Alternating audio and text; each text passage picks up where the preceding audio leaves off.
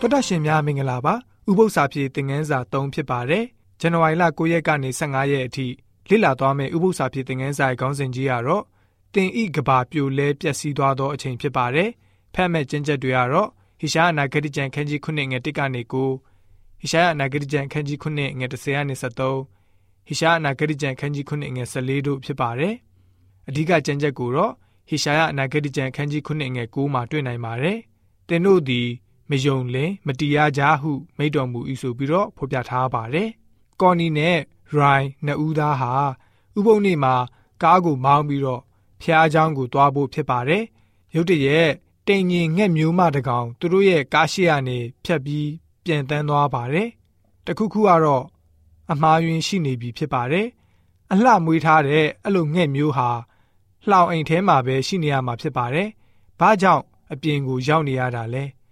ရုတ်တရက်အိမ်ဒီချင်းကမွေးမြူထားတဲ့ဘီတိုဗန်ခွေးကလေးဟာဆိုရင်အနောက်ကနေအတင်းလိုက်ပြီးတော့ခုံအုပ်ပြီးတော့ရေကန်အတွင်းကိုလုံထွေးကျသွားခဲ့ပါတယ်။ခွေးလေးကနေပြီးတော့ခုနကငှက်ကိုလိုက်ကိုက်နေတာဖြစ်ပါတယ်။ကော်နီဟာငှက်ကြက်မလေးကိုကယ်တင်ခဲ့ပါတယ်။သို့တော်နောက်ကျခဲ့ပြီးဖြစ်ပါတယ်။သူမအလွန်ချစ်တဲ့ကြက်တညင်မျိုးငှက်ကလေးဟာလေပင်ကျိုးကျပြီးတော့အသက်ထွက်သွားပြီဖြစ်ပါတယ်။ကော်နီရဲ့လက်ပေါ်မှာပဲအသက်ထွက်သွားပါတယ်။ အင်းနောက်ဖေးမှာကော်နီထိုင်ပြီးတော့ငှက်ကလေးကိုကင်ပြီးတော့ငိုပါတော့တယ်။နောက်ထပ်စိတ်အနှောက်ယှက်စရာဖြစ်စေရတဲ့အကြောင်းတစ်ခုကတော့မွေးမြူထားတဲ့တရိษံကနေဖြစ်လာပြန်ပါတယ်။ Weather Sword လို့အမည်ပေးထားတဲ့